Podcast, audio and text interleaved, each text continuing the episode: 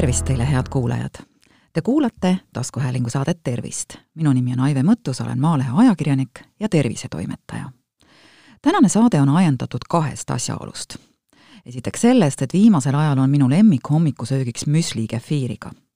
parimate maitseelamuste väljaselgitamiseks olen proovinud väga paljusid erinevaid müslisid ja jõudnud järeldusele, et kõige paremini maitsevad mulle need, mis sisaldavad ohtralt suhkrut teiseks aga sellest, et ERR-i teadusportaalis Novaator avaldati hiljuti paar artiklit ühe põneva uurimistöö kohta. nimelt uuris Tervise Arengu Instituudi toitumise ja liikumise valdkonna juht Heidi Kanamäe, kui palju suhkruid sisaldab Eestis müüdav toit. suhkrust räägitakse palju ja enamasti selles võt-, võtmes, et see on midagi paha ja hirmsat ning et seda ei tohi süüa. kas tõesti peab suhkrut kartma ning kas sellest on võimalik ka sõltuvusse jääda? Kohe alguseks olgu öeldud, et suhkruid, neid on siis teatavasti mitut liiki, ei tasu karta. vastupidi, enda ja oma pere tervise huvides tasub nende toimega hoopis kursis olla. mõõdukas suhkru tarbimine on igati hea, sest inimorganism pole suuteline ilma suhkruteta toime tulema. probleemid tekivad suhkrutega siis, kui neid süüakse liiga palju ning peamisteks liigse suhkru tekitatud probleemideks on ülekaal ja südame-veresoonkonna haigused oluline on teada, et mõisted äh, suhkrud ei võrdu mõistega süsivesikud. süsivesikud on lai termin, millest üks osa on suhkrud. süsivesikute hulka kuuluvad lisaks veel tärklis, glükogeen ja enamik kiudainetest. suhkur on kokkuleppeline käibemõiste, mida kasutatakse peamiselt sahharoosi ehk niinimetatud lauasuhkru, aga ka teiste magusamaitseliste vees lahustuvate lihtsüsivesikute kohta enamik toiduaineid, roogi ja jooke sisaldavad suhkruid.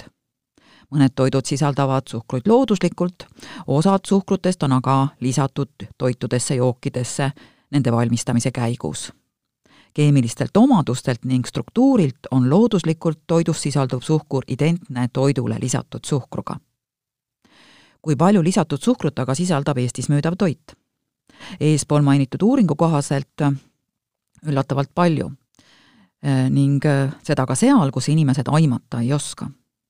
uuringu autori Heidi Kanamäe sõnul võib vähesel määral suhkru lisamine toiduainetesse olla tehnoloogiliselt põhjendatud, kuid suhkrut leidub palju enamates toodetes, kui arvata osatakse ning nii mõneski neist on seda lausa omajagu. võib öelda, et lihatoodete suhkrusisaldus oli üllatuseks. kuigi need keskmised sisaldused ei ole kuigi suured, kasutatakse erinevaid suhkruid ja nende kombinatsioone lihatoodete juures väga laialdaselt, rääkis Kanamäe. suhkrut leidus igas kolmandas analüüsitud lihatootes. mitte näpuotsa, vaid pigem lusikaga oli seda lisatud näiteks pasteetidesse, võileivakatetesse, maitsestatud lihadesse ja lihasnäkkidesse. Atria lihatööstuse juhi Olle Hormi sõnul on suhkur maitsevõimendi ja rohkem on seda tugevasti maitsestatud toodetes klassikalistes lihatoodetes on suhkrusisaldus null koma kaks kuni null koma kuus protsenti. aga kui toote nimes on sees sõna teriyaki või on kasutatud mingit tugevat marinaadi, on tootes suhkruid rohkem. suhkrul erinevalt soolast toidule olulist funktsionaalset mõju ei ole. soolal on funktsionaalne vajadus nii säilivuse kui struktuuri pärast. suhkur on puhtalt maitsestamise küsimus, nentis Horm Muhu pagarite teraleivas on üheksa grammi suhkrut saja grammi kohta. ja see ei ole veel rekord. poest võib leida rukkileiva, kus suhkrut on tsipa vähem kui neliteist grammi. aga õhtuks on teraleib poodidest otsas, erinevalt suhkruvabadest toodetest, mida kipub järgi jääma. suhkur seob leiba, annab mureduse, tugevdab aroomi, maitseomadused tulevad hoopis paremini esile, rääkis Novaatorile Muhu pagarite pagar Mare Männasalu ehkki Eesti toidutööstuses on toodetes leiduva soola ja suhkrusisaldust viimastel aastatel vähendatud, võib päeva soovituslik piirkogus tulla endiselt kokku ootamatult kergesti, leiab Tervise Arengu Instituudi toitumise ja liikumise valdkonna juht Heidi Kanamäe. Ülekaalulisuse rasvumise ja mittenakkushaiguste laialdane levimus ja jätkuv tõus tekitavad nii muret nii Eestis kui Euroopas ja ka maailmas laiemalt üks võimalus murettekitava trendi peatamiseks ja tervise toetamiseks on pöörata tähelepanu soola, lisatud suhkrute ja küllastunud rasvhappete sisaldusele toidus. Nende vähendamise hindamiseks kaardistaski Tervise Arengu Instituut ligi neli tuhat kakssada erinevat toodet koos koostisega siis soola saamisel on märkimisväärne osa just lihatoodetel, kuid nende puhul tasub välja tuua, et mitmete alagruppide puhul oli märkimisväärne ka suhkrute keskmine sisaldus, näiteks juba nagu ma eespool ütlesin, võileivamääretes ja lihast näkkides. ligi kolmandikule lihatoodetest on lisatud näiteks suhkrut, siirupit või dekstroosi või nende kombinatsiooni. Seega kuigi suhkrusisaldused lihatoodetes on madalad, on erinevate suhkrute kasutamine neis väga laialdane enim suhkruid saame me aga magustatud piimatoodetest ning mittealkohoolsetest magustatud või maitsestatud jookidest, kui mitte arvestada maiustusi, saiakesi ja muid selliseid tooteid. seda, kui palju suhkrut sisaldab üks väike jäätis, vaadake järgmine kord, kui jäätise isu peale tuleb. ehk jätate seda kogust nähes jäätise ostmata.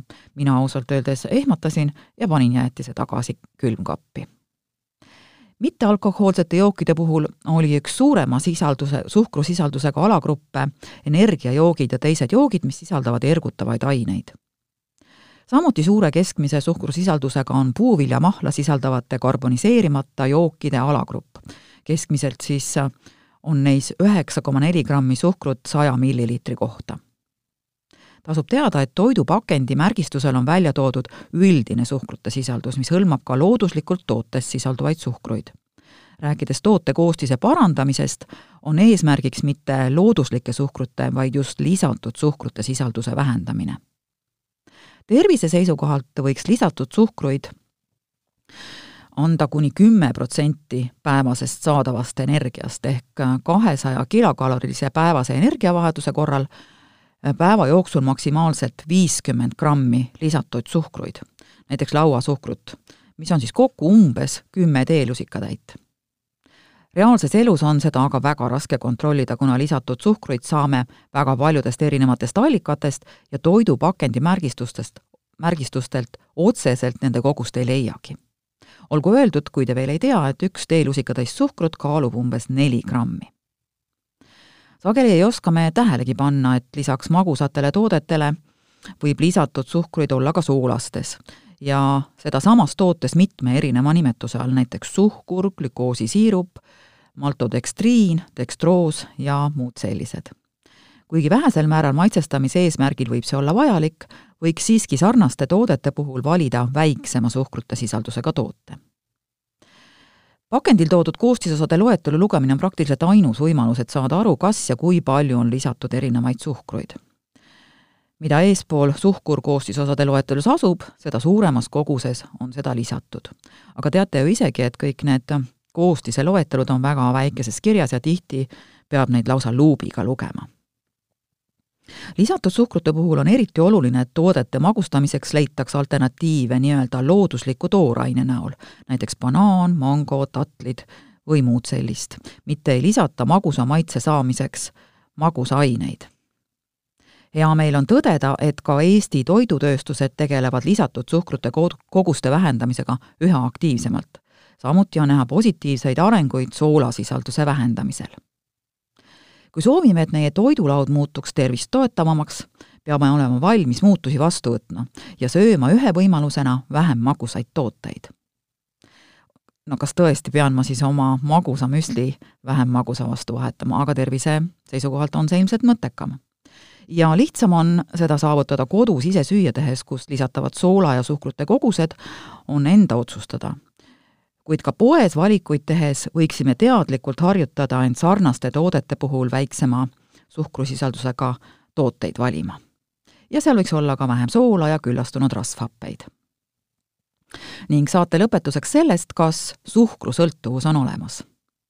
jah, vägagi olemas on liigne suhku tarvitamine, kuid suhkruga liialdamine ei tähenda veel kliinilist sõltuvust suhkrust.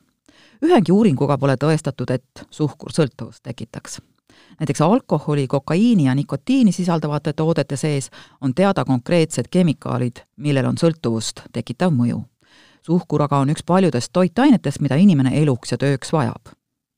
loomkatsed on näidanud, et sõltuvust tekitavad ained muudavad loomade käitumist. näiteks võimalusel sisustavad rotid kogu oma elu kokaiini tarbimisega.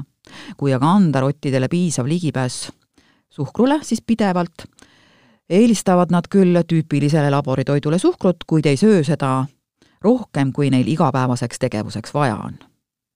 suhkrul ei ole ka selgeid ärajääma nähtude isude mustrit, nii nagu näiteks alkoholil, nikotiinil või kokaiinil. kõige tõenäolisem suhkruga liialdamise põhjus on harjumus süüa liiga palju. nii et vaadake oma menüü ja toitumisharjumused, sealhulgas suhkru tarbimine üle. tähele tasub panna ka seda, et suhkrutest täiesti loobuda ei tohi, meie keha vajab neid. kuid mõõdukas koguses, mitte üleliia. ärge unustage, et toitumine on üks olulisematest inimese tervist ja heaolu mõjutavatest teguritest. tervise huvides tasub süüa tervislikult. head kuulajad, te kuulasite taskuhäälingu saadet Tervist saate leiate Delfi podcastide pesast tasku, nutirakenduste Spotify, Apple Podcasts, SoundCloud ja teised. hakake jälgijaks ja kuulake just teile sobival ajal. ettepanekuid teemade kohta, mida saates käsitleda, ootan teilt e-posti teel aadressil tervist.maaleht.ee. minu nimi on Aive Mõttus, olen Maalehe ajakirjanik ja tervisetoimetaja. tervist teile!